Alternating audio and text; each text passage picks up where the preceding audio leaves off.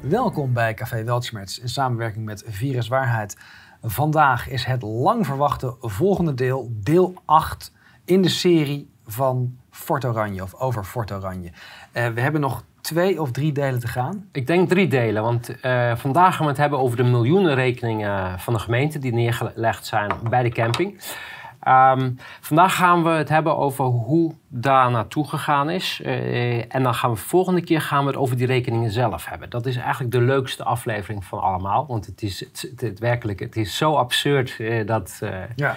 niemand die denkt... Op, oplichting en afpersing. alles wat je kan bedenken. Ja. dat zijn dus twee afleveringen. En dan hebben we nog een laatste aflevering. En die gaat over de beïnvloeding, het gebruik van psych, psychische manipulatie...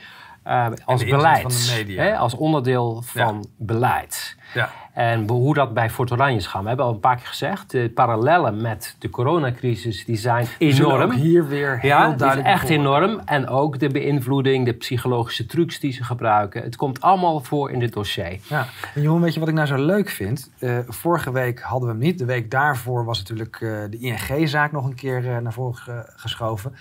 dat ik zoveel reacties kreeg van... Hey, waar is nou het Fort Oranje journaal? Ja, nou, dat is mooi te horen. Dit is echt iets wat leeft en wat, uh, wat, waar mensen naar uitkijken, net als het, uh, het Vrijdagsjournaal. Dus uh, misschien moeten we hierna een, nog een ander dossier oppakken. Nou ja, kijk, toen ik voorheen over Fort Oranje sprak, dacht ik, ah, die, die camping, dat is zo, nee, hè, allemaal gore troep daar. En er waren weinig mensen die echt interesse erin hebben. Ja. Maar langzaam gaan, als mensen zien hoe absurd dit verhaal is, hè, dan zie je dat die. ook die parallellen, dat ze zich erin kunnen verplaatsen van hé. Hey, dat wat daar gebeurde, dat hebben wij ook meegemaakt met de corona. Het, mensen herkennen het. Hè? Dit is andersom ook gebeurd. Ik ben in het COVID-gebeuren gestapt, omdat ik herkende wat er gebeurde bij Fortranje. Voor mij was het, hey, dit, uh, dit uh, ken ik wat hier Heb gebeurt. Heb ik al eerder meegemaakt. Dus bij de mensen is het andersom. Die herkennen dit nu bij Fort Oranje omdat ze COVID kennen. Ik kende COVID omdat ik Fort Oranje kende. Ja. Zo ongeveer Helder. Dus laten we gelijk beginnen. Um, wat ik net zei, waar we het over gaan hebben. Hoe werden die kosten nou bij Fort Oranje en Divine neergelegd? Hè? Dat was niet zoiets wat vaststond van tevoren. Dat hebben ze heel langzaam hebben ze, zijn ze, hebben ze daaraan toegewerkt. Overigens ook heel interessant dat er opeens allerlei uh, follow the money eh, journalisten op ons afkomen die vragen hebben over Divine. Hè? Dat is een. Uh... Ja, Divine, het, de, het, is nu het moddersmeren begonnen met Divine. Laat me even uitleggen. Divine bestaat sinds 1993. Hè, dat was een, uh, een, een, een, een, financier van. hoe heet het? van het vastgoed van mijn vader. Ja, en um, die is destijds, al die jaren is er ook een convenant geweest met de Belastingdienst. Hoe daar belasting over betaald werd, noem maar op. Het is allemaal in samenspraak gegaan. En nu zie ik allemaal berichten voorbij komen alsof het iets schimmigs zou zijn. Op een gegeven moment is Divine verhuisd van Isle of Man naar uh, de Verenigde Arabische Emiraten.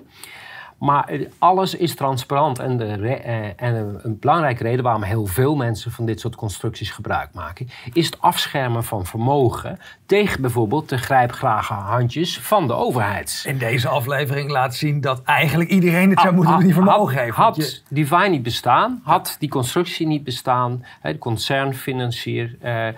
Op dat moment, dan hadden wij hier helemaal niet gezeten met dit verhaal. Want er was al lang alles weg geweest. Hè? En uh, dit is de inzet geweest uh, al, ik weet niet hoeveel jaar, van je vader al eind jaren, uh, de laatste jaren negentig. Ja, ja toen, toen voelde je de bui al hangen, want ja. met die lijsten. Misschien moet dat het volgende onderwerp zijn. de pre Fort Oranje saga, eigenlijk wat er in Rotterdam, Rotterdam allemaal gebeurde. Want ja. daar is natuurlijk de kern gelegd van dit pioniersbeleid buiten de wet opereren. Dat was een experiment, hè? Rotterdam. En je, dus je vader zat in het eerste experiment uh, van... Uh, van het misdaad vanuit de overheid. De uh, Aleida-project. En dat is later geformaliseerd in het RIEK. Maar onder minister, minister burgemeester Opstelte toen nog... is dat experiment van gang. Opmerkelijk ook dat Opstelte een van de eerste was... die jouw eerste dagvaarding onder ogen kreeg voordat we hem uitbrachten. En vooral reageerde op dat stukje Fort Oranje. Hè? Want hij is hier ook bij betrokken. Misschien moeten we daar ook nog een losse aflevering van maken van welke ministers zoals Ascher, Opstelten, Teven... Uh, die er allemaal bij betrokken zijn bij het, uh, bij het, ja. het, het, dossier. laatste ding dat ik nog wil zeggen. In Portugal was ik ook even in Albufeira. Daar zitten heel veel Nederlanders, maar ook heel veel uh, niet-Portugezen. Die doen het allemaal. Hè? Dus daar heel normaal dat je allemaal offshore je, je huis koopt via een offshore uh, constructie. Dus uh, het hele idee dat dit met witwassen te maken heeft, nee. Het heeft alleen maar te maken met bescherming van je goederen. Ja. nou, nadat die, uh, dat we, waar we gebleven waren, de gemeente heeft de camping over, in bezit genomen. Ze zijn binnengestormd, dat hebben we vorige keer besproken. Divine had net het beheer overgenomen, echt een paar dagen daarvoor. Uh, van uh, Fort Oranje officieel als hypotheekhouder. Hè, als hypotheekhouder heb je de bevoegdheid om het beheer te nemen als daar iets niet goed loopt. Um, duidelijk was dat de gemeente gelijk begon met het slopen van alles. Als Divine hebben we toen een brief gestuurd van nou, we willen graag uh, een overzicht hebben van alle bestaande huurovereenkomsten in gebruik. Welke woonwagens zijn op dat moment in gebruik. Van, op het moment van de overname, om een soort nulmeting te hebben een overzicht van de voorgenomen maatregelen die ze wilden gaan uitvoeren. Om een idee te hebben van wat voor kosten gaan jullie in rekening brengen. Wat zijn jullie plannen? En we wilden graag een wekelijkse overzicht van alle inkomsten en uitgaven. Als je beheer neemt, moet je huur in en noem maar op, afrekeningen maken. Um, en wekelijks een overzicht van de actuele huurlijst hebben we gevraagd. En voorafgaande hebben we vooral gevraagd, wij willen een nulmeting. We willen dat alles vastgelegd is zoals het was toen jullie het overnamen. Want Heel veel overtredingen waren er helemaal niet op dat moment. Hè? Wij willen bewijs hoe het was. Nou, hebben ze allemaal niet gedaan. Ze hebben geen nulmeting, ze hebben niks Eigenlijk ben je dan al klaar, want dan kan je nooit meer verantwoorden waar die kosten vandaan Zij hebben elke communicatie, ze hebben niet geantwoord, helemaal niets. Divine eh, was, of, en ook Fort Oranje, waren geen gesprekspartners. Wat hebben we gedaan? Wij zagen al die caravans werden afgevoerd en maakten daar grote zorgen over. En we zijn naar de rechter uh, gestapt. En dit is dan een, een artikel uh, van 28 augustus 2017. Dus dat is twee maanden na. Uh, de sluiting. Na de, dus na, de, over, na de overname, na, de, ja. na de bezetting, precies. Ja. Um, die zaak werd afgewezen. Wat zegt die rechter in het vonnis? Daar staat het zaaknummer ook bij. Uh, wij, een van de dingen die we zeiden, we krijgen helemaal geen informatie. We weten helemaal niet wat de gemeente aan het doen is. Terwijl dit is jouw eigendom. Hè? We hebben het hier over het eigendomsrecht. Het hardste, het een van de belangrijkste rechten in een rechtsstaat is het eigendomsrecht. We krijgen helemaal niks, geen informatie. Uh, die rechter zei wel, ja, wij als eigenaar en hypotheekhouder hebben recht om, uh, het is van groot belang om die informatie te krijgen over de kosten van de beheermaatregelen bijvoorbeeld en de opbrengsten. Al was het maar om beter in staat te zijn tot een onderbouwing van je standpunten te komen. En wat hij ook zei, gezien het bijzondere traject van artikel 13b woningwet, dat is waar ze naar verwezen, heeft helemaal niks te maken met dit beheer, maar ze hebben dat gewoon als een grabbelton gebruikt om uh, binnen te kunnen stormen. hij vindt, die rechter zei ook, ja, ik, ik kan me niet goed voorstellen uh, dat uh, een plan van aanpak opgesteld kan worden zonder uh, als er geen overleg plaatsvindt met Fort Oranje. Je moet voorstellen, je stormt daar binnen, je gooit de eigenaar en de beheerder eraf en dan heb je een camping waar je niets van weet. Je weet niet wie de huurder is, je weet niet wat de kosten zijn, niks. Dus die rechter zei, ja, hoe, hoe gaan jullie dat doen? Maar... Uh, dat was natuurlijk helemaal niet is er, is er ooit huur geïnd? Nee, nooit. Nee, ja, dus, dus, dus, dan is er sowieso sprake van wanbeheer. En dan ben je eigenlijk ook beheer, Dit heeft niks met beheer te maken. Hè? Maar wilde één ding, een nee, maar het, het, het, het, punt dat ik wil maken, op meerdere gronden uh, uh, vallen eigenlijk de kosten die er worden opgevoerd weg. Ja. De gemeente kreeg het voordeel van de twijfel, vooral omdat ze leugens verkondigde tijdens de rechtszaak. Ook dat is natuurlijk ja, ja, heel gewoon, erg vergelijkbaar met de coronacrisis. Ja. ja. Um, op dat moment was het onduidelijk of die stelselmatige verwijdering van de en transport en opslag. Hè, want de gemeente zei ja, we gaan die allemaal heel zorgvuldig vervoeren met een speciaal bedrijf. En die gaan we opslaan voor Fort Oranje. En er wordt geen schade aan uh, gericht, uh, noem maar op. Um, en even kijken Dus de stelselmatige verwijdering, transport en opslag. En uiteindelijk herstel van de situatie en de beschadigde infrastructuur. Welke kosten met zich, dat met zich mee gaat brengen. En dat ondanks de nagestreefde doelen op grond van het besluit sprake is van uh, onrechtmatig handelen. Dus die rechter uh, die nam uh, al een voorschot erop van ja, we kunnen nu nog niet precies zeggen wat er aan de hand is. Maar die voelde dus al nattigheid? Die voelde wel al aan van hier klopt iets niet. Dus um, dit, is een, um, dit is een stukje uit dat vonnis. Hij zei ja, het is niet aannemelijk geworden dat uh, sprake is van vervreemding van eigendom ten aanzien van de caravans met een waarde tussen de 1000 en de 10.000. Wat zei de gemeente? Caravans met een waarde beneden de 1000, die slopen. Dat loont zich niet tussen de 1000 en de 10.000 die verwijderen, maar die gaan we heel netjes opslaan. En die blijven eigendom van Fort Oranje.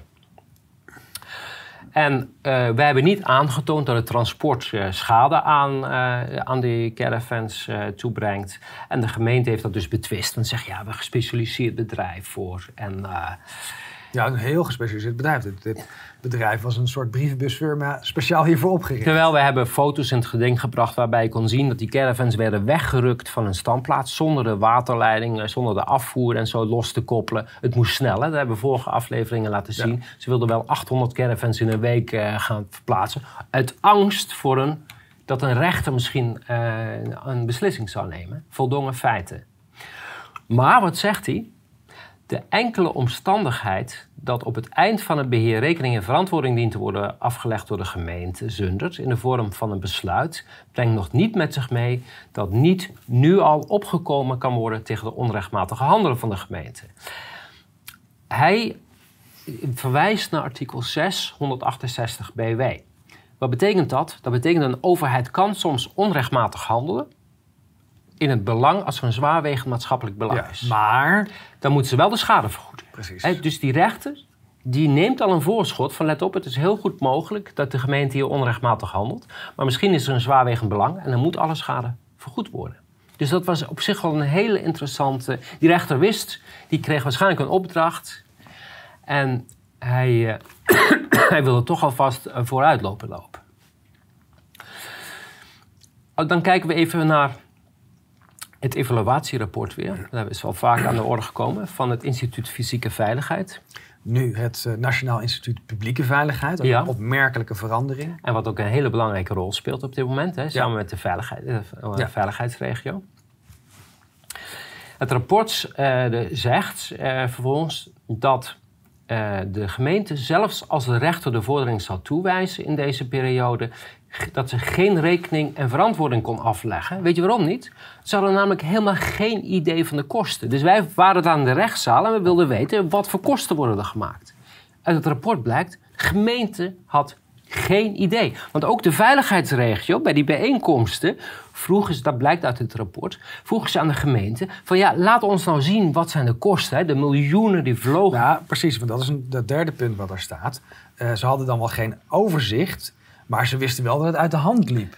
Ze zeggen in het rapport, ik zal even citeren: de geraamde kosten komen dan uit op ettelijke miljoenen euro's, waarvan slechts een derde kan worden bekostigd uit de bijdrage van het Rijk. Moet je je voorstellen, je bent een camping aan het sluiten. Ettelijke miljoenen euro's. Ja, dan gaan we weer terug. Het is meerdere keren aangeboden om over te nemen voor een bedrag minder dan 5 miljoen. Ja. Dus, dus, en dat komt nog een paar keer terug van ja, maar wat is nou de rationale als je het gewoon kan overkopen, dan ben je er vanaf. Ja, vanaf eind augustus komt vrijwel te elk uh, overleg de vraag naar de totale kosten aan de orde. Van hoeveel kosten zijn er nou? We willen dat weten. Op 24 augustus wordt vervolgens gemeld dat de gemeente nog bezig is met het in kaart brengen van het totale kostenplaatje. Je moet je voorstellen, de waanzin. Geld voor alle kanten, miljoenen gaan eruit. Geen idee. Ook weer Denk aan al die deals eh, die er zijn gesloten. Uh, de Open Stichting, uh, Siewert van der Linden. Dat zijn topjes van de ijsbergen. 5,1 miljard vorig jaar Verdwenen. niet verantwoord. Iedereen is aan het gaan. Maar dat is zogenaamd die noodsituatie. Ja, we, hebben nu, we kunnen nu niet naar geld kijken en het maakt niet uit wat Wat je dus altijd krijgt in dit soort crisissen is uh, war profiteers, om het zo maar te zeggen. Die gaan graaien, want die denken in deze chaos kan dadelijk niemand meer wat verantwoorden. Dus ik kom er wel mee weg. Ja, precies. Ehm, de gemeenteraad die zat ondertussen, die zagen ook de bui hangen. Van, eh, die zien die miljoenen die, die eruit vliegen. En, en Zundert is een kleine gemeente. En dat was ook al een gemeente die al jarenlang uh, onder toezicht van het Rijk stond, omdat ze hun financiën niet op orde hadden. En dan ziet die gemeenteraad van Jezus, wat, wat, wat gebeurt hier met al die miljoenen die uitgegeven worden? Maar die dus, lieten zich helemaal uh, in de boot nemen. Want ja, de, hen werd verzekerd, het komt allemaal goed. Want, wat zegt u, de, het college? Zegt tegen de gemeenteraad: maak je geen zorgen. We gaan het ophalen bij meneer Engel. Dus we, we hebben miljoenen over de balk gesmeten. We kunnen niet vertellen waar we aan het uitgeven. Meneer maar, Engel zijn eigendom vernietigd. Ja, maar we gaan bij hem uh, ophalen. Um, dat moeten we overigens uit de krant vernemen dat wij de kosten moeten gaan betalen. Want tot dat moment, en let op, iets heel belangrijks. In het besluit van 23 juni, eh, besluit waarmee ze het campingovername staat in dat de kosten voor de maatregelen niet verhaald gaan worden. Hè? Mhm. Dat staat er letterlijk in. En dat weten ze ook. En toch zeggen zij tegen de gemeenteraad: nee, we gaan gewoon de kosten ophalen. Dit komt uit een interview van B en de Stem met de uh, toenmalige burgemeester Poppe de Loof. En de vraag is: en wat als Engel nou niet wil betalen? Ja, dat zullen we wel even zien, antwoordt ze. Maar vergeet ook niet dat Fort Oranje de maatschappij de afgelopen jaar ieder jaar 800.000 euro kostte aan politie-inzet, GGD enzovoort. Niets doen zou uiteindelijk dus meer geld hebben gekost. Wacht eventjes, het is, die 800.000 euro waren niet nodig. Nee. Dat waren, en dat hebben we gezien in de vorige uitzendingen, dat was onderdeel voor, voor het ontnemingsplan. Dat is allemaal investering om dit had men uh, problemen willen oplossen, had het helemaal uh, niet veel geld gekost. Want daar had je samen kunnen werken met de, de camping om problemen op te Maar dat was natuurlijk niet de bedoeling. Ik vind het volgende antwoord nog mooier. En dit laat heel erg zien wat de coronacrisis eigenlijk hier ook al was. Social engineering. Slecht gedrag, hè, u had Engel kunnen uitkopen, zoals de gemeente Rotterdam. Slecht gedrag belonen, dat nooit. Terwijl belonen slecht gedrag, nee, je geeft de waarde van het eigendom. Dat is het eigendomsrecht. Ja. Dus hoezo is dat belonen als jij uh, de waarde uitgekeerd krijgt? En daarbij, ze konden dus kopen voor minder dan 5 miljoen. En om Engel te straffen hebben we 20 miljoen uitgegeven. Ja? Om te zorgen dat hij geen geld in zijn zak houdt. En het, het schrijnende is natuurlijk, het is een soort van gelukt, want mijn vader is nu overleden. Ja. Hij zal hier niks meer van meemaken. Nee. Maar uh, wij gaan natuurlijk door totdat hier recht gesproken wordt. Ja, Want wat hier en niet alleen dat het geld terugkomt. Deze mensen, daar moeten er toch een paar van voor de rechter komen. Uh, toen kregen wij, uh, 30 november 2017, kregen we een rekening. Die zag er zo uit. Of wij even 2, 2 miljoen 765.823 euro willen overmaken. Binnen 30 dagen te betalen. En ik neem aan dat hier een pakket specificaties bij zat. Dit was het. Geen verantwoording, geen overzicht. Nee, dit zijn beheerkosten. Ik, dit doet me heel erg denken aan die scams van die Nigeriaanse ja. scam artist. Van, kan je snel dit overmaken, want dan krijg je dit bedrag. Zo'n, uh... dit voor een overheid... Kijk, de gemeente had aan het begin van het project een accountant moeten aanstellen die de, die de uitgaven en de aanbestedingen zou, uh, voor dit soort bedragen kan je niet zomaar zonder controle alles maar laten gaan. Maar dat deden ze dus wel, want het maakt niet uit, want de Engelsen zouden toch gaan ophalen. De bedoeling was immers het afpakken. De gemeente uh, die heeft een financial controller uh, die, die de uitgaven controleert. En die komt op 28 november 2017, slaat hij alarm.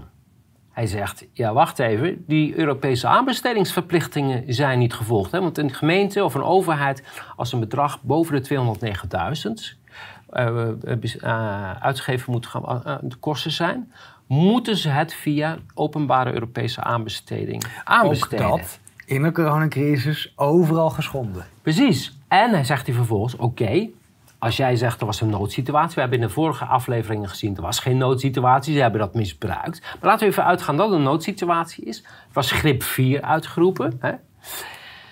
Um, dan had in ieder geval op het moment dat het afgeschaald werd naar grip 3, en dat was drie weken later geloof ik, had alsnog een openbare aanbesteding moeten, procedure gestart moeten worden. Is niet gebeurd. Al die miljoenen zijn uitgegeven met een sms'je of een telefoontje, zoals we dat nu ook zien bij uh, Van der Leyen, van der Leyen bijvoorbeeld. Of Rutte, of weet ik veel. Of, uh,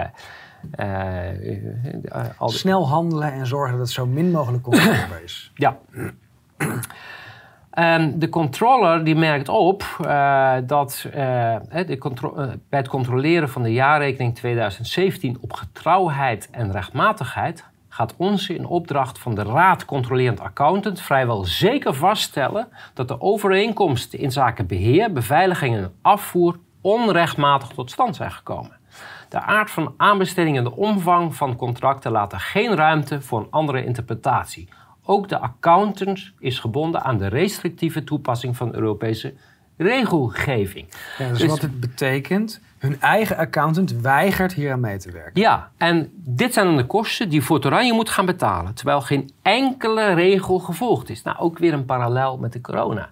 Regels zijn niet meer belangrijk. We doen gewoon en we halen gewoon. En we, ja, ja, en nu wordt het geld opgehaald bij de burger eh, via die zogenaamde Ja. Dus, dus ook hier zien we weer, uh, maak je geen zorgen, want we komen je dadelijk beroven. Want wat is het doel van die Europese aanbestedingsregels? Dat heeft, kijk, eh, Europa is een hele hoop slecht, maar die hebben ook een hoop regels die, uh, die, die, die, heel erg nuttig zijn. Die nuttig zijn, want uh, levering van goederen of voor het verrichten van diensten is de doelstelling is dat overheden op een transparante en effectieve manier inkopen tegen de beste prijs-kwaliteitsverhouding.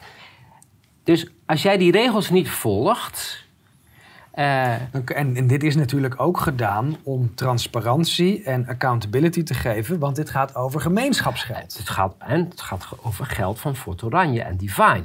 He, die moeten het uiteindelijk betalen. Dus jij volgt de regels niet en je legt gewoon de, regel, uh, de, de, de, de rekeningen neer bij een paar mensen zonder dat jij de regels gevolgd hebt. Totaal absurd. Dit op zichzelf al. Nou, we zijn in bezwaar gegaan tegen die invorderingsbesluiten. En eh, de gemeente die voert verweer. En die komt met het verweer van... Uh, ja, uh, als wij op artikel 13b woningwet... als wij een beheerder aanstellen... ja, die beheerder kan doen waar hij zin in heeft. He, want de beheerder heeft dezelfde bevoegdheden als een eigenaar. En het enige wat hij niet mag is vervreemden of bijvoorbeeld een hypotheekrecht vestigen erop. Maar hij mag verder alles doen als de eigenaar. En de beheerder mag dus ook naar eigen goeddunken uh, doen wat nodig is om de camping weer veilig en leefbaar te maken. En de beheerder die dacht dat het voor dit doel nodig was om alle caravans te verwijderen, uh, de hele infrastructuur te vernietigen, alle wegen kapot te maken, uh, de camping onleefbaar te maken. Om de camping veilig en leefbaar te maken, hebben we de camping tot op de bodem gesloopt. Ook dit, voor iedere zekerheid, de maatschappij wordt gesloopt om de maatschappij veilig te houden. Ja. Daar lijkt het uh, heel erg op. Maar dit, dit, soort, dit laat zien wat een zieke redeneringen de overheid erop nahoudt om maar uit te komen bij het hun gewenste ja, maar doel. Dat is natuurlijk precies, dat wilde ik net zeggen. Het is doelredenatie. Al die mensen weten dat ze onrechtmatig bezig zijn. Uh, wat het ook laat zien is het dédain dat er, uh, dat erin zit van ja, maar wij komen er altijd mee weg. Wij breken altijd de wet. Dus we hebben een uh, procedure aangespannen ook weer tegen, want ze wilden dat gaan invorderen gelijk. zijn naar de rechter gegaan en een, voordat we die zitting was, kregen we uiteindelijk, want we zeiden, we hebben helemaal geen onderbouwing, we weten niet wat voor rekeningen, er zijn niks. We moeten gewoon, als je, of je even een paar miljoen wil betalen. We vertellen niet waar we het aan uitgegeven hebben. Uiteindelijk kregen we net voor de zitting, kregen we een, uh, een stapel met, uh, we kregen dozen met stukken en een lijst met facturen. En, oh nee, we kregen volgens mij eerst alleen een lijst met mhm. facturen. Mm -hmm. voor, de rest niks. En daaruit konden wij opmaken dat alle kosten redelijk en noodzakelijk zijn voor het beheer, zegt de gemeente. De onderliggende stukken, toelichting, wat voor kosten of een accountsverklaring, niets was. Hè. Zo zag dat uit, de hele lijst. En dan staat er druk- en bindwerk, uh, rechtskundig advies, noem maar op. Posters, rolbanners. Het is alsof je een uh, reclamecampagne aan het voeren bent. Nou, dat is natuurlijk dat is ook een parallel. Het is een PR. Hè? Het is in de eerste plaats PR. Hoe verkoop je wat je aan het doen bent? Je bent een misdaad aan het begaan. Maar we verkopen naar het publiek. We doen het voor de mensen. We doen het om, voor de samenleving. Hè? Het is super herkenbaar allemaal. Ja. Maar uit het overzicht bleek ook dat op dat moment, en let op, dan hebben we het nog, zijn we pas een paar maanden verder.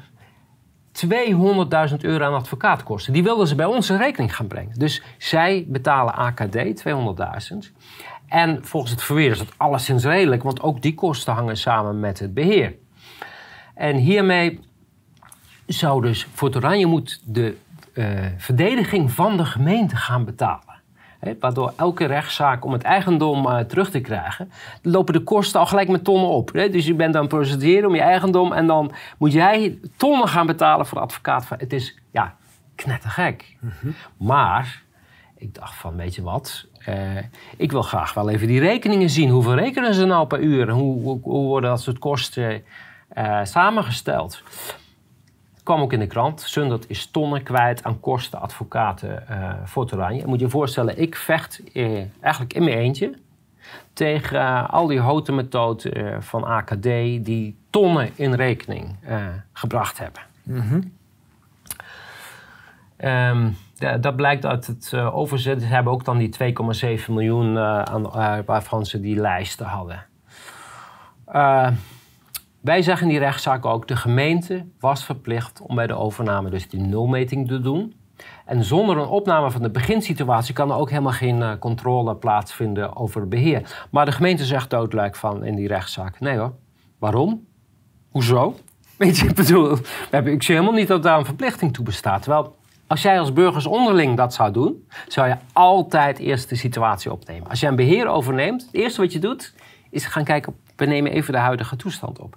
Maar de gemeente die hoeft dat niet. Ze zeggen, oh, we hebben een luchtfoto. En dat is voldoende om te zien uh, hoe de uh, toestand was in het begin. Ja, ik weet niet hoe je op een luchtfoto de toestand uh, van de staakcaravans... van eventuele overtredingen waarvan zij zeiden dat die bestonden. En wij konden dat niet doen, want wij hadden een gebiedsverbod. Dus wij mochten niet op die camping komen. En de door uh, Fort Oranje verzochte stand van zaken met betrekking tot de verhuur en inkomsten ook niets. Dus de gemeente zit miljoenen uit te geven, die zegt dat ze beheer aan het voeren zijn, slopen de camping, geven je geen overzicht, maar je mag daarna even de miljoenen betalen. Ja. Maar dat was, dat was nog niet alles. 22 februari 2018 komt de volgende rekening: 1,3 miljoen over de twee maanden tijd. 1,3 miljoen om een camping te beheren. Nou, ik zoek ook nog een baantje voor het beheer van een camping. Als ik 1,3 miljoen in twee maanden kan verdienen. Uh, weet nog iemand zo'n camping? Uh, ik hou mij aanbevolen. ik ga zo achter. Het probleem is, dan moet je wel al je scrupules opzij zetten en je morele kompas weggooien. Dat is waar. Maar ja, voor dat bedrag uh, kunnen we dat nog eens overwegen. Dus daarmee staat het voor 2017 op 4,2 miljoen hebben ze uitgegeven in hoeveel maanden? Zes, zes maanden tijd. 4,2 miljoen. Op 2 mei 2018 volgde nog een factuur van 1,3 miljoen. Daarmee loopt het op tot 5,6 miljoen. Dus in minder dan een jaar hebben ze 6 miljoen aan kosten gemaakt. Ja. Voor het beheer van, het beheer van een camping. Ja. ja. Die kosten zijn hoger dan de aanbodsprijs. Ja, maar dit zijn alleen de beheerkosten. Ja. En dan hebben we nog niet over de kosten, wat we dat straks al genoemd hebben voor de veiligheid. Oh, daar komen we zo meteen geloof ik nog, uh, komen nog op. Want uit de jaarrekening, we hebben ook even gekeken in de jaarrekening van de gemeente, die afgekeurd is, hè, zoals we net gezien hebben, blijkt dat er nog veel meer kosten gemaakt zijn. Veiligheidsregio, 800.000. GGD, tussen de 600 en 650.000. Maar juridische kosten over 2017, hè? alleen 2017, 415.000 euro. 415.000 euro om tegen mij te procederen. En communicatiekosten 60.000 euro. Het is onvoorstelbaar. Maar het college houdt dus de gemeenteraad voor dat de kosten die nu voorgefinancierd worden, maak je geen zorgen. Wij gaan dat ophalen. Wij, wij pakken gewoon die camping af en dan is er niks aan de hand. Want de kosten die drukken op dat moment echt zwaar op de begroting. Hè, van een kleine, wat we net al zeiden. 23 juni 2018, precies een jaar na uh, de inbezitneming, uh, hebben we opnieuw bij de bestuursrechten een voorlopige voorziening aangevraagd om het beheer uh, te beëindigen. En om onbeperkt beschikking te krijgen over het eigendom uh, schorsing van de invordering, zodat ze niet verder mogen gaan met het incasseren van de kosten. De volledige administratie willen we hebben.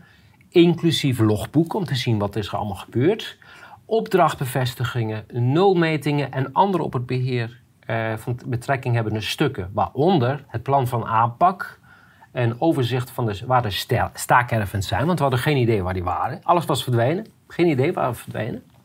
En de projectplannen, bloedkoraal en maisveld. Moet je je voorstellen, dat hadden we op dat moment allemaal nog niet. En, en wij uh, hebben gezegd, ja, die kosten, dat heeft natuurlijk niets met artikel 13 uh, B woningwet te maken. Dit is geen beheer, hè, dit is sloop, dat is duidelijk. Want beheer is iets beter maken of iets in ieder geval... In ieder geval bijhouden en zorgen dat het dus ook nog geld oplevert. Ja. Nou, de voorzieningenrechter heeft, uit, uh, heeft toen uitspraak gedaan. En hij zegt, ja, goed, misschien dat niet alle kosten verhaald kunnen worden... maar in ieder geval bijvoorbeeld kosten voor de mensen van de receptie. Nou, de mensen van de receptie 19.000 euro per maand om iemand aan de receptie te zitten. Nogmaals, zoekt iemand een receptionist... Voor 19.000 euro per maand ga ik achter de recepties staan. Ja? Ehm, beveiliging van trein. Eh, dat heeft, ik meen, dat komen we in de volgende aflevering, anderhalf miljoen euro gekost, meen ik. Voor, alleen maar voor de beveiliging van de trein over een anderhalf jaar tijd. Um, maar ik hij denk dat de meeste voetbalclubs daar nog niet eens aankomen. Maar in ieder geval zegt die rechter van ja, op dit moment uh, kunnen we dus niet uh, zeggen we beëindigen het beheer. Want we weten nog niet welke kosten blijven staan. En zij zegt wel, ja, Fort Oranje heeft wel recht om uh, dat de gemeente rekening en verantwoording aflegt over het uh, voerdenbeheer. En dat er inzichtelijk gemaakt wordt. Hè? Want we, hebben helemaal geen onderliggende stukken. We hebben geen idee. Ik bedoel, hoe vaak is het voorgekomen dat jij uh, eh, 5 miljoen moet betalen? je hebt helemaal geen idee waar het aan uitgegeven is. En dat is een overheid die dat bij jou komt halen. Het laat weer zien hoe diep we gezonken zijn. Maar het, uh, de, dus de voorzieningenrechter die zegt... Ze zijn verplicht om deugdelijk verantwoording af te leggen. En ze moeten die rekeningen allemaal uh, aan ons geven. En dan, en dan wordt al heel erg de hand boven het hoofd gehouden door die rechter voor de gemeente. Hè? Want Enorm. het is inmiddels al evident ja. dat hier onrechtmatigheden ja. bij de vleet zijn. Ja.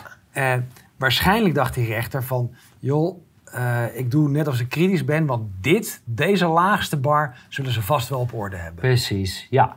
En het, staat, het krantartikel, er was een uh, verslaggever van BN De Stem bij. En die merkte op hoe kritisch de rechter was van de gemeente. Van ja, dan gaat hier wel heel erg veel mis. Nou, gaat niet heel veel mis, er gaat alles mis. Hangt er vanaf, uh, net als met coronabeleid is ook alles misgegaan. Alleen, of alles goed. Precies, dat bedoel ik. Ja. Maar ze moeten dus, ze zijn verplicht om die stukken uh, te geven. En ze zijn ook verplicht om de opdrachten te geven. De facturen moeten verstrekt worden. Welke opdrachten en welke werkzaamheden zijn gebeurd, welke zijn uitgevoerd. waar en wanneer is dat gebeurd en welke kosten zijn gebeurd. Dus dat, dus in dat opzicht heeft de rechter wel een juiste uitspraak gedaan. Je moet natuurlijk verantwoording afleggen. En hij ziet ook dat er, dit is echt een uh, motiveringsgebrek van die besluiten. Dus hij zegt voorlopig uh, hoeven die facturen helemaal niet uh, betaald te worden. En voor heel veel facturen eh, bestond ook helemaal geen factuur voor heel veel rekeningen. En die moet de gemeente ook laten vallen. Een dag na de uitspraak. Ja, dat, is nog even. En dan, dat lijkt redelijk van de rechter, maar de rechter had daar moeten zeggen: Ho, wacht even. Ja. Dit is een poging tot afpersing. Natuurlijk. Had gelijk alles. Maar ja. ik ben al blij hè, met wat mm aalmoezen. Dat we in ieder geval iets moeten laten zien. Nou, maar dus een dag voor de uitspraak, hè, die zitting is geweest. Toevallig een dag voor de uitspraak laat de gemeente drie grote dozen vol met papier. En, willekeurig alles door elkaar. En we zijn dagenlang bezig geweest om te kijken, om een lijn te vinden van hoe, hoe zit dat nou? Dus, um, allemaal facturen, maar geen opdrachten, geen overeenkomsten, geen plan van aanpak. En uh, geen onderbouwing met specificaties van de door Slufter uitgevoerde werkzaamheden. En ook andere stukken ontbreken. Dus alleen maar drie dozen met allemaal willekeurige facturen. Dus we hebben daarna gelijk gezegd: hé, hey, mogen wij even de rest van de dingen hebben die de rechter gezegd heeft, die moet u geven. En uh, dus Sanders die reageert van ja, de facturen die. Want we zagen heel veel facturen ontbraken. Nou, die facturen die u niet heeft, die hoeft u niet langer uh, te betalen. die gaan we niet in. Oh, dank u wel. En met het overleggen van die stukken zeggen ze... ja, we hebben nu verantwoording afgelegd... maar kijk, je hebt toch drie kartonnen dozen met uh, rekeningen ontvangen? Ja, ik bedoel, het is... Als je erover praat, het is eigenlijk zo bizar dit. Um, en daaruit volgt dan ook, ze waren helemaal niet van plan uh, om nog meer te geven. Maar dan gebeurt er iets onverwachts. 23 augustus 2018 krijgen we in één keer een mail van uh, ambtenaar van de gemeente, meneer Knops, Arjen Knops. En hij stuurt niet alleen de opdrachtbevestigingen, maar ook het door Slufterbeheer opgestelde plan van aanpak en offerte, waaruit blijkt dat niet beheerde opdracht was, maar sloop. En op basis van die stukken hebben we nog meer stukken weer opgevraagd. Maar die meneer Knops heeft dezelfde dag dat hij die e-mail gestuurd heeft. Ik stuurde daarna een e-mail. Bestond zijn e-mailaccount niet meer. Hij is gelijk opgestapt. We hebben later geprobeerd om hem te benaderen. Maar dat is het probleem. Hij heeft een, uh, een goede daad gedaan. Maar hij wil daarna niets zeggen uh, of de gemeente niet afvallen. Maar het was duidelijk, dit was een, uh, een daad van protest. Te, dat hij niet kon vinden in wat er door, door de gemeente gebeurd werd. En er waren waarschijnlijk meer mensen bij de gemeente. Want ook de accountant uh, of de accountmanager wilde zijn handtekening zetten. Dus binnen die gemeente waren er heel wat mensen die het er niet mee eens waren. En die heel erg op de hoogte waren van de afpersingspraktijken. Ja, dat denk ik wel. Kijk, hier zie je dan op het plaatje uh, dat de mail uh, niet meer werkte. Zijn mhm. account was gelijk, is die gewist. 20 augustus 2018 uh, dus dat is opnieuw die voorlopige voorziening tot beëindiging van beheer en afgifte van de volledige administratie. Goed, dat is wat we net besproken hebben. die mondelinge behandeling, dit, dit, is een nieuwe. Hè? Dit is nog een keer. We hebben een civiel kortgeding gevoerd en dit is weer een bestuursrechtelijk kortgeding wat we daarna gevoerd hebben. 3 oktober 2018. Behandelend rechter is meester T. Peters. Nou, tijdens die zitting die meneer Peters, die ging constant de gemeente de hand boven het hoofd houden en alles proberen uh, recht te praten. En hij zegt, ja, ik ben niet bereid om het beheren op te heffen, want dat is een drukmiddel om betaling te krijgen. En tegelijkertijd zegt hij, ja, slopen, dat is toch eigenlijk hetzelfde als beheren? Ja, is, ik, alle beheerders in Nederland, eh, knoopt het in je oren. Je mag het pand wat je in beheer hebt, mag je ook slopen. Dat is hetzelfde. Ja, ja en dat derde punt, marktconforme prijzen, 19.000 euro per maand. Voor, een receptionist en 34.000 voor de beheerder. En let op, die 34.000, daar gaan we een volgende keer over praten. Dat was een bedrag waar nog niets inclusief was. Hè. Personeel moest nog extra, noem op. Alles moest extra. Die 34.000 was puur voor het beheer. 34.000 om een camping te beheren. Ik hou me aanbevolen. Per maand, hè? We hebben het hier per maand. maandprijs. Ja, per maand. Nee, uh, per week. Wat? Per week. Per week. Ja, 34.000 per week. Ongelooflijk. Ja. Um, wij hebben meneer Peters gevraagd van... Uh, is het niet beter als u zich terugtrekt uit deze zaak? Uh, waarom? Omdat hij zich in een eerdere zaak in 2016, uh, na een wrakingsverzoek, heeft hij gezegd: Oké, ik trek mij vrijwillig terug uh, uit deze zaak. We kennen Peters ook uit 2011. Toen met een half miljoen aan dwangsommen. Die hebben we in een van de eerdere afleveringen al gezien. Die uitspraak is vernietigd in hoger beroep door de Raad van State. Maar hij vond het allemaal prima, die dwangsom van een half miljoen. En, er komt er nog iets bij. Hij was bij die bijeenkomst tussen de rechters en de gemeente en de taskforce op 7 juni 2017, twee dagen voor de aankondiging uh, van de sluiting. Over die bijeenkomst komen in de laatste aflevering nog een keer terug over het manipuleren en beïnvloeden van de rechtspraak. En de vraag, ja, maar wat is er dan gewijzigd? Eh, in 2016 heeft u zich verschoond en we zijn nu 2017. Waarom bent u nu wel geschikt? Maar daar komt geen antwoord natuurlijk op. Ik heb op een gegeven moment, 2 november, heb ik het uh, verzoek teruggetrokken. Want ik ga niet, uh, het heeft geen zin om een uitspraak van zo'n rechter te gaan afwachten. Want het was duidelijk, deze man uh, die was een medepleger met de gemeente. Um, de onze bezwaren tegen het beheerkosten, die worden dan 18 december 2018 afgewezen. Dus zeggen, nee hoor, kosten zijn redelijk en noodzakelijk. De gronden is verder niet ingegaan.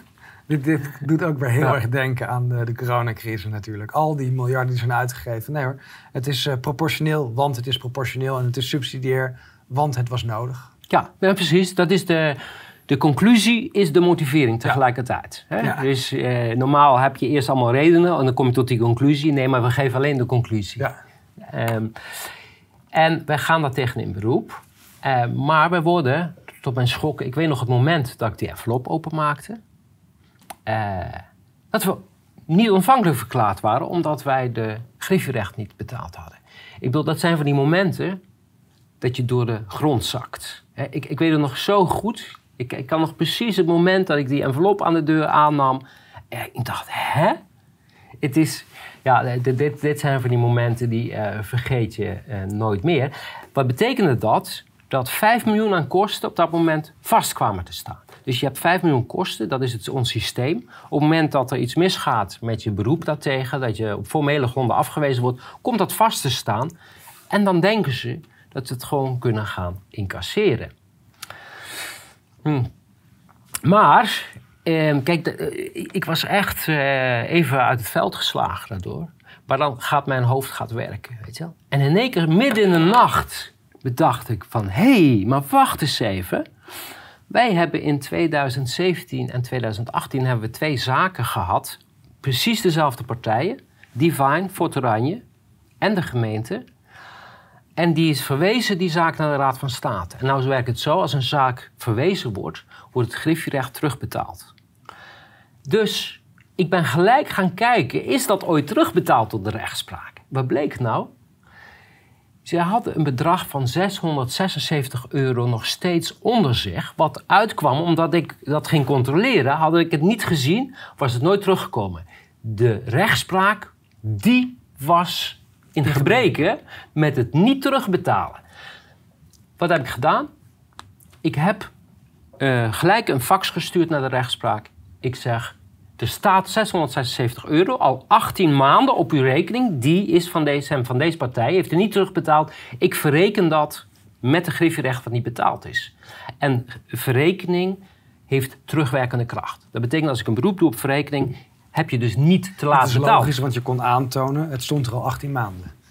Ja, en dat is, uh, ik heb verzet gedaan en ik heb dit ook aangevoerd tijdens de verzet. Nee, het is betaald, want uh, het is een civielrechtelijke vordering. En dat zegt die rechter ook in het verzet. Hè. In, in, in, uh, in de uitspraak op verzet zegt zij... de regels van het burgerlijk wetboek zijn van toepassing op deze vordering. Maar, maar, dan komt iets onnavolgbaar. Kijk, en het kan zijn dat je bestuursrechter bent... dat je niet zoveel van het civiele recht weet. Zij zegt, ja, maar wacht even... Het feit dat in de ene zaak griffierecht verschuldigd is, staat los van het recht op terugbetaling in een andere eh, zaak. En een rekening-courant verhouding biedt de mogelijkheid om vorderingen en schulden direct te verrekenen. Nou, het BW zegt heel veel, maar verrekening hoeft alleen maar een paar voorwaarden te worden voldaan. Dat betekent dat we tegenover elkaar staande vorderingen hebben. En, het, en het feit blijft, zij waren in gebreken door niet terug te betalen. Ja, zij heeft dus, want ik denk dat ze enorm gebaald hebben dat ik met die oplossing kwam. Die rechter zat er gewoon in. Ze waren, hè, dit was een manier om ons de keel door te snijden. En ze baalden dat het er was. Maar ja, dat, dat zien we vaker. Het maakt niet uit. Uh, we hebben ons pad gekozen. Een dag na de zitting uh, werd het geld teruggestort. En we werden alsnog niet ontvankelijk verklaard. Ja, en, en, hier heb je dus echt duidelijk weer misdrijven. Ja. Want ze proberen het vonnis te baseren op een moment uh, dat er griffierecht wel was voldaan. Ja, dus we hebben een zitting over het niet voldaan van griffierecht. De zitting komt vast te staan dat daar een bedrag staat, waarmee dat meer dan het dubbele bijna hè, eh, van wat we moesten betalen.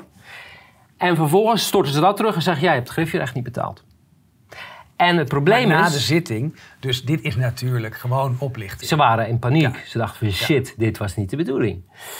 Um, en het probleem daarmee is, als je niet ontvankelijk verklaard wordt wegens niet betalen griffrecht, staat geen hoger beroep tegen open. Dus dan ben je in één keer uitgeschakeld. Ja, het is een met zogge regels. Um, en dan is maar, kijk, ze hebben die uitspraak gedaan, maar die is evident onrechtmatig. Uh, wij zijn nu nog aan het procederen en ik kan me nauwelijks voorstellen dat die kosten blijven staan. Het is zo absurd onrechtmatig allemaal. Precies, want los zouden de rechters aan moeten kijken van... ja, maar wacht even, die 5 miljoen in rekening gebracht... dat is een afpersingspoging. Ja, ja. Maar daar, komen we nog op, want uh, daar zijn we nu mee bezig.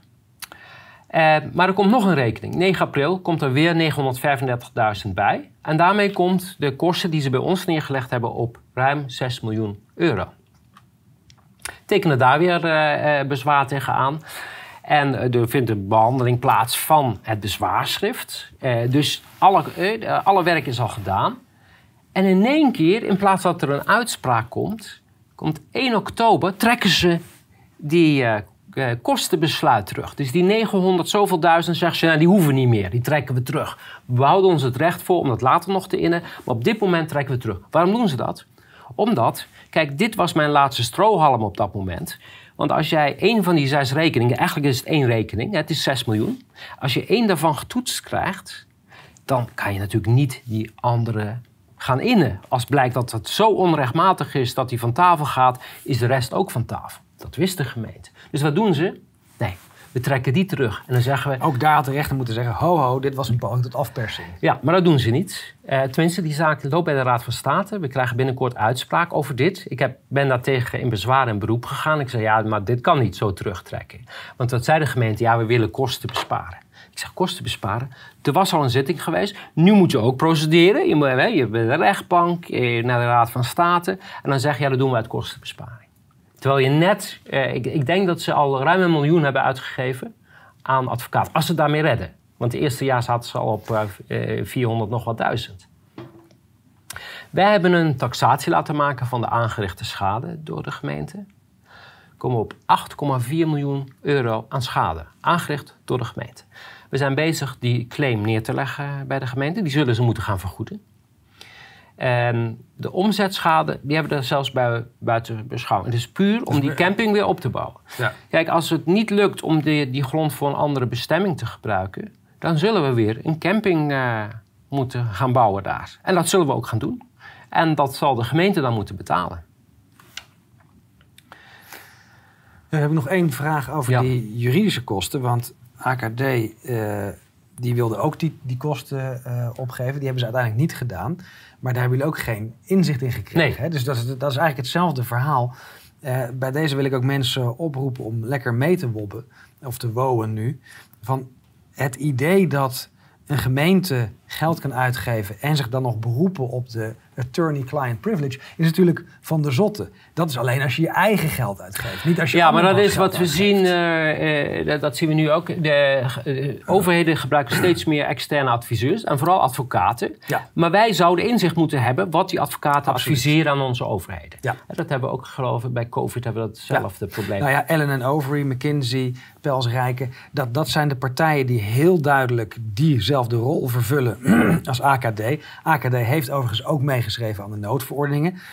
Nou, sterker, die meneer die, eh, die deze zaken doet, heeft die noodverordeningen geschreven. Precies. Meneer Rosen, Bart Roosendaal. Ja, dat is een hele belangrijke. Ja. Voor later zullen we maar zeggen. Um, wat overheden hiermee doen, is proberen die FOIA-requests of de WOP-verzoeken of de WO-verzoeken te omzeilen. Het, het hele idee is, datgene wat in het private bedrijf zit, kan niet gecontroleerd worden. We zouden het zelfs nog een stap verder kunnen trekken. Dat samenwerken met censureren. De overheid mag niet censureren, maar big tech wel. Ja, precies. En daarom is het zo belangrijk dat alle communicatie met het WEF, maar ook met McKinsey, met AKD, met Pels Rijken, met Facebook boven water komt. Daar eh, is geen enkele sprake van dat Kijk, dat achtergehouden Van mij betreft ehm, het is aan de overheid om een private adviseur in te schakelen, maar dat is geen reden om het niet openbaar te maken. Precies. Alles moet duidelijk en transparant zijn en wij horen gewoon te weten wat zijn de adviezen geweest.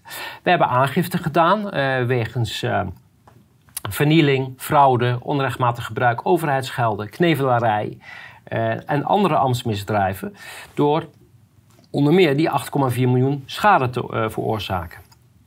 En anderzijds door dwang uit te oefenen op de betaling van die 6 miljoen aan kosten die, eh, die de gemeente maakte om die schade toe te brengen.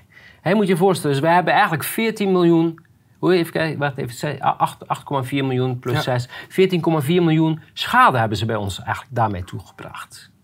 Maar de officier van justitie, wat denk je?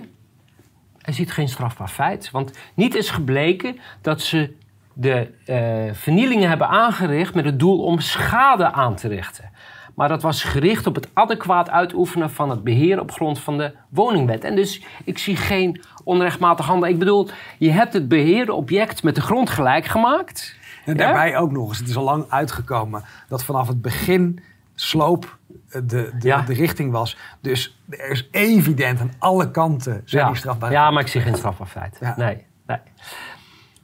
En inderdaad, de accountant uh, die komt tot de conclusie, en dat is, dan zitten we op in 2019 al, en het BDO-accountant, uh, die zeggen van, uh, ja, er zijn fouten gemaakt bij de ontmanteling van Fort Oranje. En dit, dit kan niet wat er gebeurd is. Maar dat doet niets af dat wij gewoon moeten betalen. Hè? Dit, dit, is waar we net al over hadden. Het advies van AKD. dat advies was de basis om die camping te ontmantelen. En wat ik denk wat in het advies staat... Nou, weet je, we nemen het beheer en dan gaan we gigantische kosten maken... en dan gaan we het zo onteigenen. Dat staat volgens mij in dat. Is een samenswering, hè? Dat, is, dat is heel erg Abso Absoluut. En daarmee zou AKD ook waarschijnlijk haar status als advocatenkantoor verliezen. Nou, we hebben gevraagd aan de gemeente om dat te overleggen. We zijn naar de rechter gegaan, 843a-procedure. We krijgen het niet. En de, maar de verdediging is heel opmerkelijk. Omdat zeggen ze, ze zeggen ja, het zijn allemaal samenzweringsbeschuldigingen. Hè, allemaal uh, onzin, dat doen ze al jaren deze mensen. Die hebben gewoon een argwaan tegen de overheid, onzin. Maar, wat zegt die advocaat, Bart Roosendaal, die zegt... Ja, maar hoe mooi zou het zijn als Fort Oranje dit, over dit advies zou kunnen uh, beschikken tijdens de behandeling van beroep. Maar wacht even. De advocaat zegt dat advies is kennelijk, als wij dat advies zouden hebben, dan zouden we gelijk gelijk krijgen. Dat staat er eigenlijk. Want het zou mooi, zo mooi zijn als we dat eh, zouden krijgen.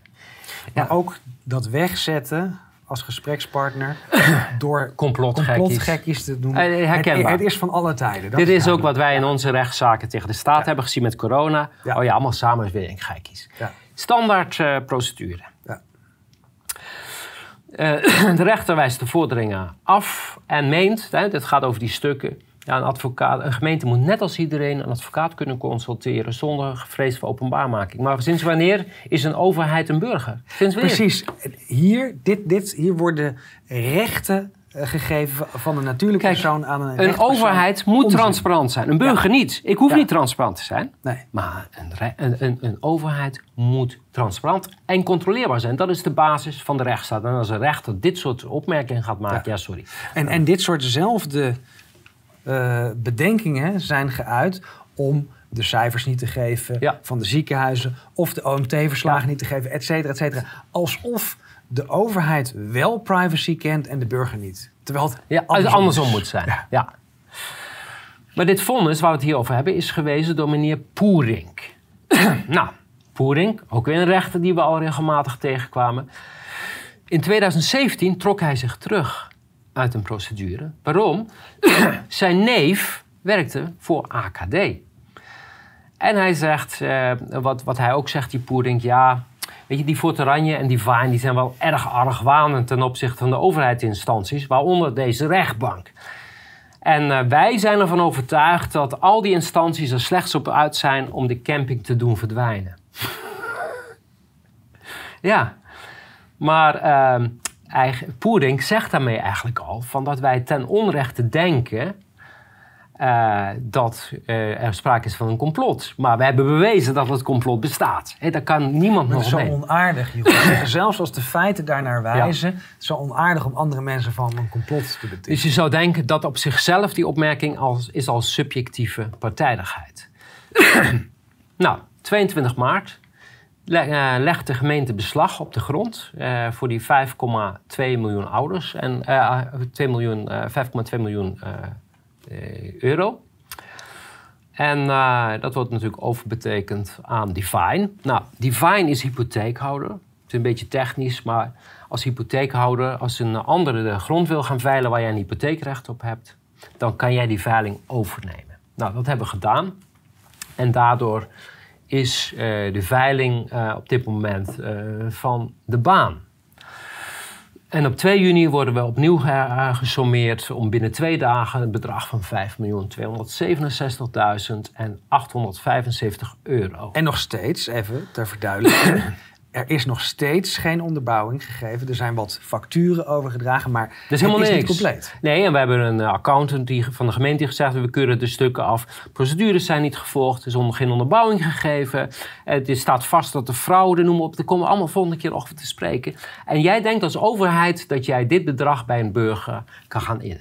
En volgende week, dat beloof ik, die beheerkosten, dat is echt een, eh, als je dit al ongelooflijk vindt, die beheerkosten, wat ze daar uitgesproken We hebben hier heel duidelijk te maken met racketeering, maar niet alleen racketeering. Dit is georganiseerde misdaad. Dit is gewoon uh, uh, abs absoluut criminaliteit. Ja. Uh, in de, in de puurste vorm. Precies.